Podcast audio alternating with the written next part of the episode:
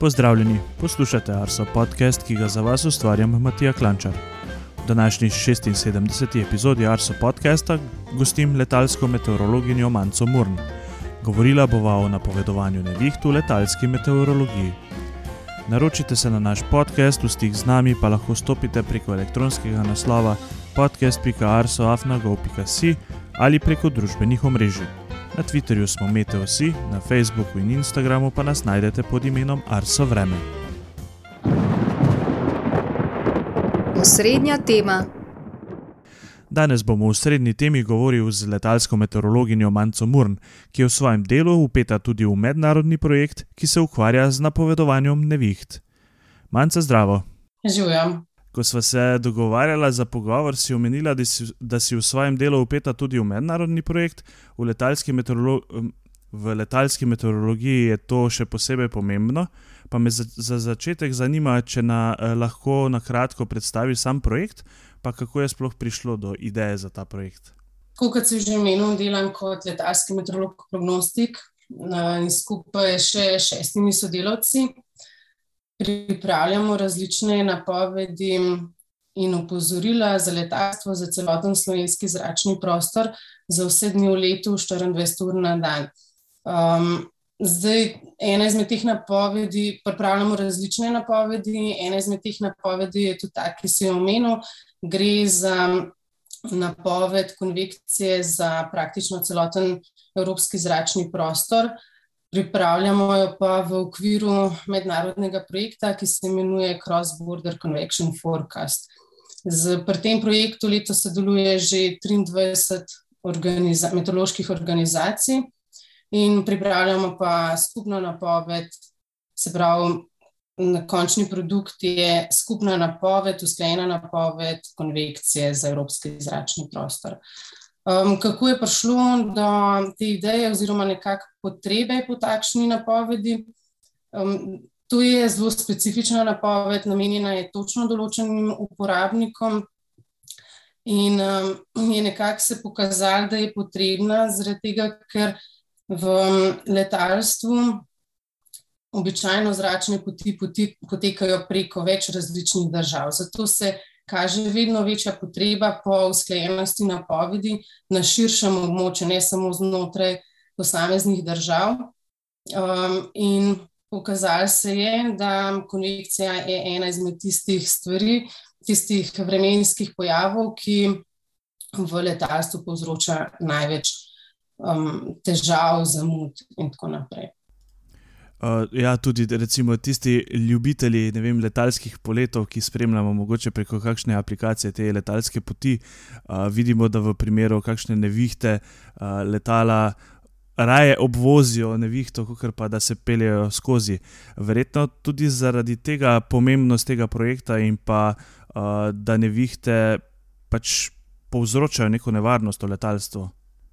Ja, ravno to je bil razlog. Se pravi, v, zdaj, če gremo na začetek, kdaj se je ta projekt začel, to je relativno mlad projekt. Je to. To začel se je poleti leta 2018 in začel se je ravno zaradi tega, kar si omenil, da v času, ko se pojavijo nevihte, se um, piloti zahtevajo oziroma želijo preusmeritev na drugo zračno pot. In takrat se pojavi problem, ker se.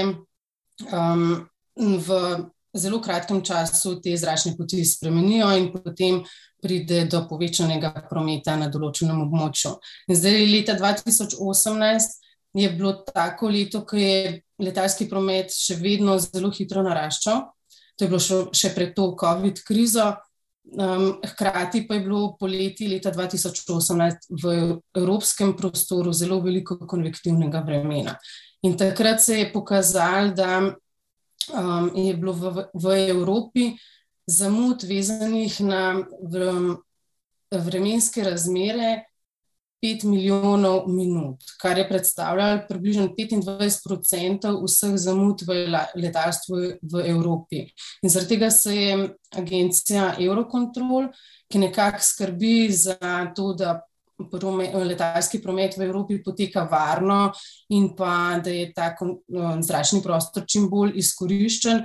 Nekako so se odločili, da bi z boljšo oziroma bolj boljše definirano vremensko napovedjo te zamude lahko zmanjšali, in so se obrnili na um, organizacijo EUMETNET, znotraj katere, um, znotraj katere delujejo posamezne meteorološke družbe, organizacije, in so začeli v letu 2018 s sodelovanjem v neki tej obliki, kot jo poznamo danes.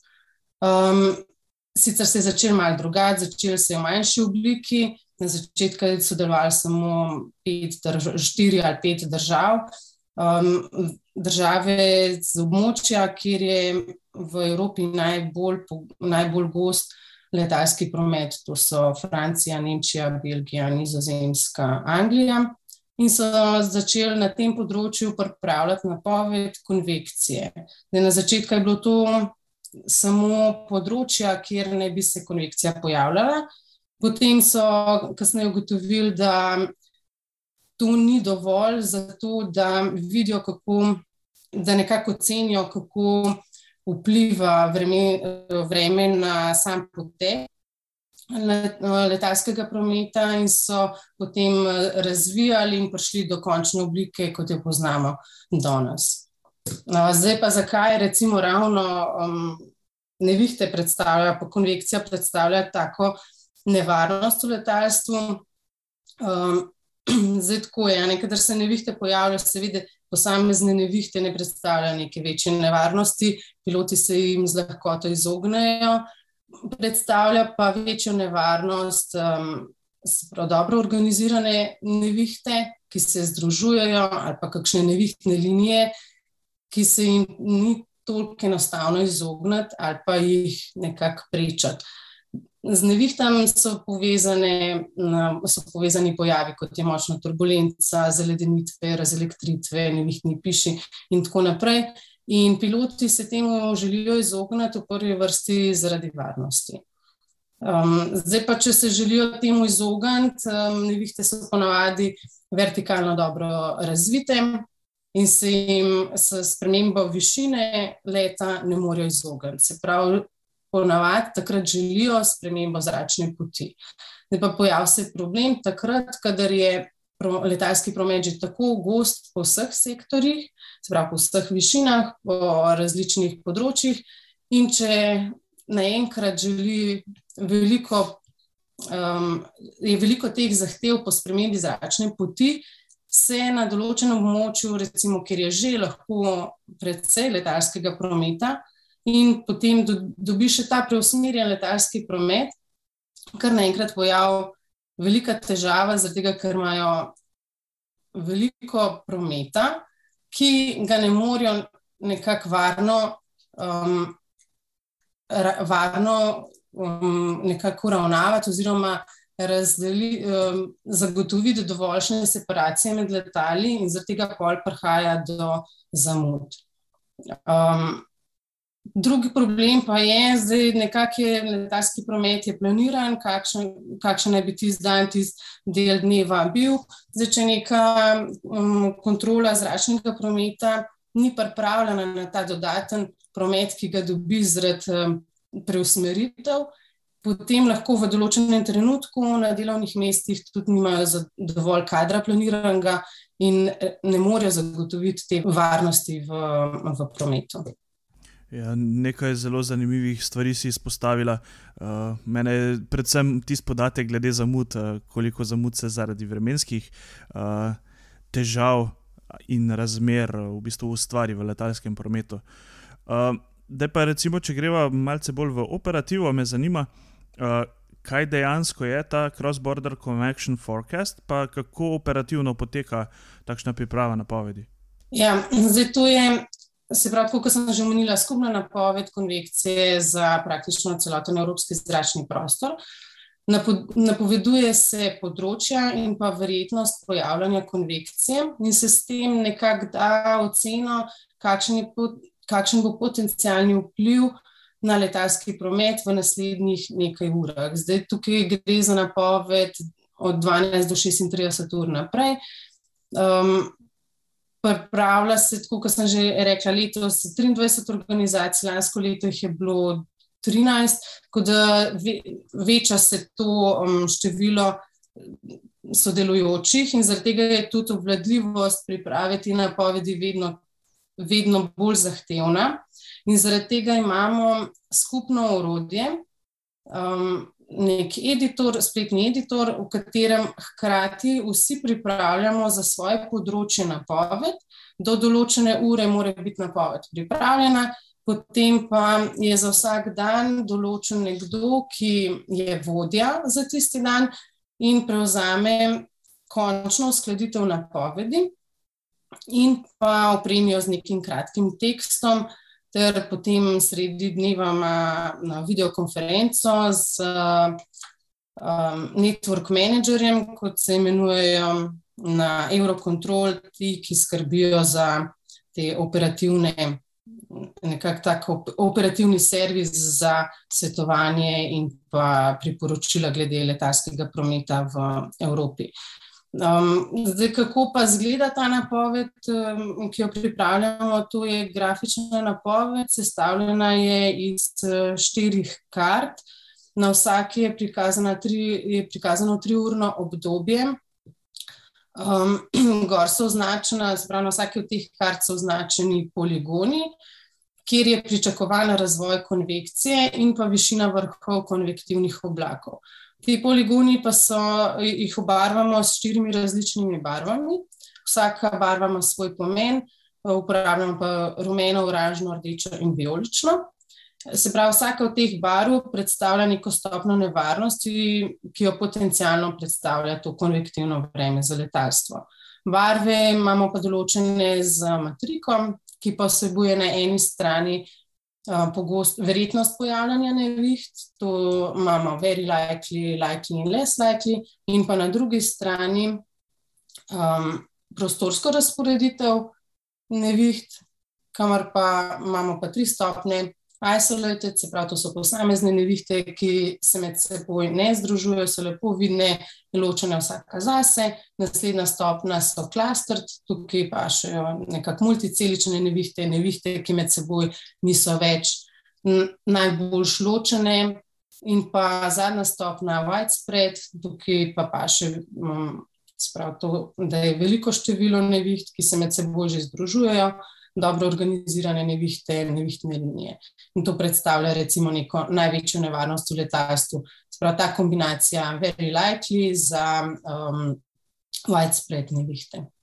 Uh, ja, napoved se pripravlja prav, vsakodnevno, ampak samo v obdobju od maja do oktobra, prav takrat, ko je ta konvektivno um, dogajanje naj, največje.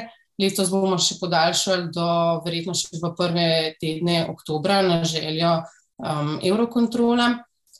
Uh, je pa tako, da se pripravlja vedno napoved za tekoči dan in pa za naslednji dan. Naslednji dan se potem napoved iz prejšnjega dne popravi, uskladi in izda popravek. Um, pripravlja se, se pravi, um, tako kot sem že rekla, grafična napoved in pa ta tekstovni povzetek v času, ko pa je videokonferenca, um, posvetovanje meteorologa in pa um, network managerja z Eurocontrola, pa se po potrebi pokliče tudi lokalnega prognostika, da pove svoje mnenje in um, napoved za to območje. Zdaj, um, um, lansko leto so vedeli še eno novost in sicer. Da ni samo vodja od nekje daleč, ampak da tisti, ki je vodja za trenuten dan, je lociran na sedežu Eurocontrola in dejansko v živo pripravlja napoved in sodeluje z network managerji na Eurocontrolu. To za ta obdobje, ko je največ letalskega prometa in ko je največ konvekcije. Lansko leto je bilo to za julij in avgust, letos pa se je izrazil željo še za um, del junija in del septembra. Lansko leto se je tako sodelovanje zelo lepo obneslo, so videli, da je dodana vrednost in so izrazili željo, da bi tudi letos sodelovali v taki obliki. Lansko leto mi zaradi kadrovskih razmer nismo imeli možnosti sodelovati tudi v tej obliki, da bi eden od naših meteorologov, naših prognostikov bil na, prav na sedežu Eurocontrola in skrbel za, za to uskladitev napovedi in potem predajanje naprej um, network managerju. Letos pa smo se odločili, da bo en od naših prognostikov šel tudi um, tja na sedež Eurocontrola in bo prevzel vlogo vodje za 14 dni, bo pripravljal um, to napoved, se pravi sklejevanje in potem naprej predstavitev um, network managerju. Uh, Manjce je mogoče lahko naši sledilci vidijo to napoved, ali je to v bistvu neka napoved, ki je zaprta za oči javnosti? Ne bi rekla, da je ravno zaprta za oči javnosti, je pa res, da mi te napovedi nikjer na spletni strani ne objavljamo. To napoved uporablja v prvi vrsti Network Manager na Eurocontrolu, zato da jo uporabi v smislu planiranja raz, in, in čim bolj smiselne uporabe zračnega prostora. Um, za, za to planiranje ni namenjena širši javnosti, in pa seveda to informacijo potem posreduje tudi lokalnim kontrolam zračnega prometa. Zdaj, mi pa z našo, se pravi, s kontrolo zračnega prometa Slovenija, imamo dogovor, da se trikrat dnevno slišimo, da predamo tudi te informacije in še druge informacije, zato da si oni lahko planirajo ravno to, kar so prej omenjali, neke spremembe zračnih poti, kdaj bojo dobili dodaten promet, kdaj bojo mogoče zaradi neviht nad eh, Slovenijo. Se bo promet recimo prestavil na, na druge um, zračne prostore, in bojo takrat, recimo, oni imeli manjšo, manjši promet čez Slovenijo. Um, se pravi, zdaj direktno ta napoved ni nikjer tako vidna, ampak informacije, ki jih pa s to napovedjo dobijo, pa uporabniki, ki jih, um, za katere so koristne, dobijo. Uh, poglejva še malce v prihodnost. Uh, po pogovoru sodeč, pa glede na to, da prej tega projekta niti nisem poznal, uh, si mislim, da se bo projekt še naprej uh, um, nadaljeval, pa verjetno se bo tudi razvijal. Pa v tem delu, v zadnjih eh, štirih letih, odkar je projekt uh, v teku, si mislim, da ste verjetno že videli, kje so kakšne pomankljivosti in kako ga boste nadgradili. Ja, um, se pravi, projekt je ja, res. Je, letos je peta sezona, odkar je ta projekt, mi sodelujemo um, tretje leto. Ja, vse čas se napoved, se posodablja, se tam, kjer so pomankljivosti, se te odpravljajo, izboljšujemo to napoved, um, poskušamo tudi čim bolj usklejevati to napoved. To sodelovanje med sosednjimi državami tukaj je ključnega pomena. Um, kaže se še naprej, kako bi se ta projekt lahko razvijal, recimo še na druge vremenske pojave, ki, ki vplivajo na letalski promet um, na podaljšanje sezone in tako naprej. Um, videti je, mislim, kaže se, da projekt je uspešen, da to sodelovanje ima dodano vrednost.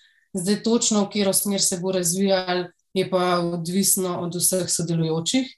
Je pa sigurno nasplošno v letalstvu trend, da je takšnih projektov, pravi, teh skupinskih napovedi oziroma sklejenih napovedi, vedno več, zato ker je vedno večja potreba potem, ker vemo, da vreme na meji se ne konča, da je potrebno uskladiti te napovedi na širšem območju. Uh, super, uh, me res veseli, drugač, da, da smo se uskladili za tale pogovor. Uh, veliko iz, izjemno zanimivih informacij, pa verjamem, drugač, da tudi v prihodnje se še naš podcast uh, vrne na področje letalske meteorologije in da še kakšno zanimivo temo predstavimo tudi našim poslušalcem. Uh, hvala, Manca, za tvoj čas in pa za tale pogovor. Hvala tudi tebi. Obeti. Tokrat bo v vremenu naslednjih dni govoril Blaž Šter. Pozdravljeni, začela se je meteorološka pomlad. Za nami je mesec februar, ki je postregal s precej toplim vremenom. Narava se je počasi že začela prebujati. Na srečo je vsaj hladen in vetroven konec meseca zaustavil, zaustavil prezgodnji razvoj. Tudi začetek marca bo temperatura nekoliko podpovprečen za ta čas. Današnji dan bo precej bolj miren, kot so bili pretekli. Veter je že po noči oslabel, zato smo se prebudili tudi v hladno jutro. Jutrajne temperature so pod lediščem, večinoma okrog minus 5 stopinj, v mreziščih Notranske in Vajatskih dolinah celo pod minus 10. Po jasnem jutru se bodo čez dan od severozahoda začeli, začeli nabirati oblaki. Namig za vse, ki radi opazujete oblačnost, razmere bodo prave za nastanek lečaste oblačnosti, ki jim prav, ki pravimo tudi alto cumulus lenticularis. Popovdne bo predvsem na zahodu oblačnost zakrila sonce. Kljub temu se bo po hladnem jutru precej segrelo, najvišja dnevna temperatura bo tako za okoli 15 stopinj višja glede na jutranjo. Po nižinah bo večinoma okrog 10 stopinj. Velike temperaturne razlike so značilne za zgodno pomlad. Vremenski pogoji še vedno omogočajo izrazite nočne ohladitve. Temperatura zračne mase je nizka, obenem pa je tudi precej suha zračna masa. Sonce pridobiva na noči, zato so dnevna temperaturna nihanja izrazita. Veter bo v sredo precej šibak ali pa bo povsem mirno, le na primorskem se bo občutil majestral. Tudi v četrtek bomo pri nas in v okolici še pod vplivom enakomernega zračnega tlaka. Središče anticiklona bo nad Skandinavijo, vremenske fronte pa bodo na zahodu Evrope, dan bo delno jasen. Pričakujemo nekaj srednje in visoke oblačnosti, ki jo bo znova več na zahodu Slovenije. Glede na sredo bo za kakšno stopinjo topleje. Bolj zanimivo dogajanje pričakujemo od petka naprej. Nad zahodnim sredozemljem bo nastal ciklon, ki se bo pomikal vzdolž afriške obale proti vzhodu. Pričakujemo, da bo glavnina, glavnina dogajanja južneje. Vseeno pa ta vremenska motnja trenutno precej vpliva na vremensko napoved, ki je manj zanesljiva.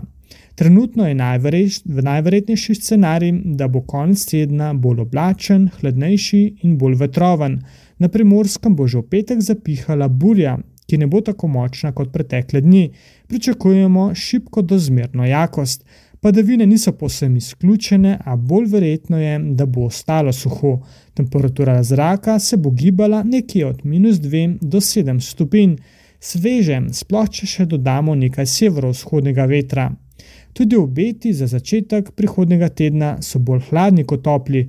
Nad severovzhodno Evropo se bo ukrepil anticiklon, naše kraje bojo najverjetneje na njegovem obrobju s tem pa bo izrazito to hladne polarne zračne mase iznad Rusije in severnih dežel proti našim krajem. Pomlad v prihodnjih dneh ne bo prehitevala, saj prvi teden bo sušec upravičil svoj sloves. Srečno do prihodnič. Vremenske zanimivosti. Zakorakali smo v meteorološko pomlad. Poglejmo, kakšne so bile vremenske zanimivosti meseca februarja.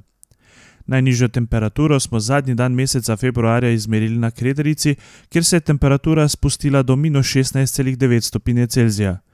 Najvišja temperatura je bila izmerjena na postaji Novo mesto, 24. februarja je bilo 17,5 stopinje Celzija. Najhitrejši sunek vetra smo izmerili 7. februarja na Krederici. Pihalo je s hitrostjo več kot 170 km/h. Največ padavin smo tako v mesecu januarju, kot tudi v mesecu februarju izmerili na postaji Vogel. 16. februarja je v enem dnevu skupaj padlo 46,1 mm padavin. Največ sončnih ur v mesecu januarju je zbrala postaja Kanin 176 ur in 39 minut. Najbolj sončen dan pa je bil 23. februar, ko je na postaji Slavnik sonce sijalo 10 ur in 18 minut. 76. epizodo smo pripeljali do konca. Hvala vam za vse odzive, kritike in poslušanja. Želim vam obilo lepega vremena in se slišimo čez 14 dni.